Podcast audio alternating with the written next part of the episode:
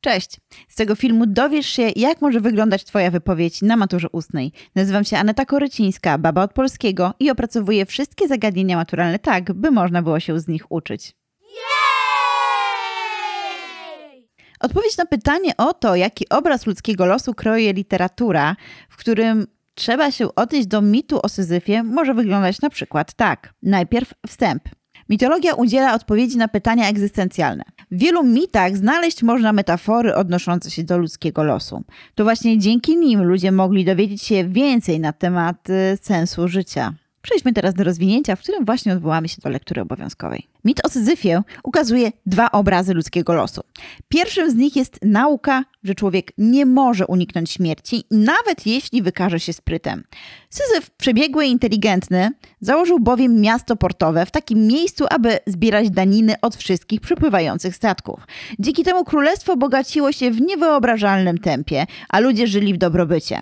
Władca miał jednak jedną ale za to wielką wadę. Był plotkarzem i zdradzał sekrety bogów Olimpu.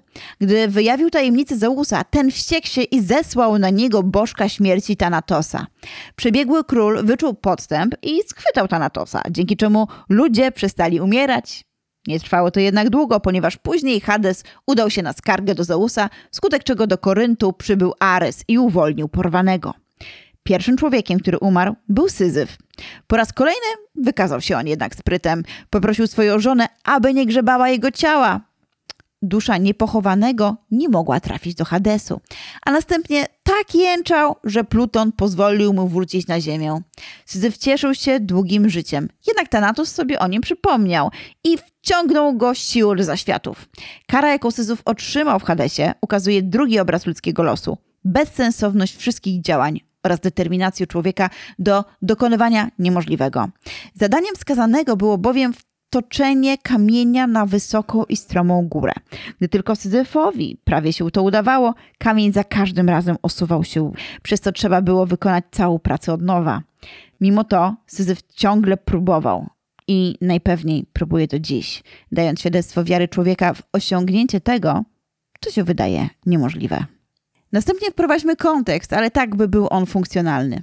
Wymierzona w Hadesie kara miała za zadanie uświadomić Syzyfowi, że człowiek nie jest w stanie oszukać pewnych praw rządzących światem. Myślenie to było zgodne z charakterem epoki. Antyk opierał się bowiem na wierze w fatum, czyli nieuchronność boskich wyroków, a najważniejszym terminem odnoszącym się do ludzkiej egzystencji był tragizm, przekonanie, że człowiek nie miał wpływu na swój los i był zależny wyłącznie od czynników zewnętrznych.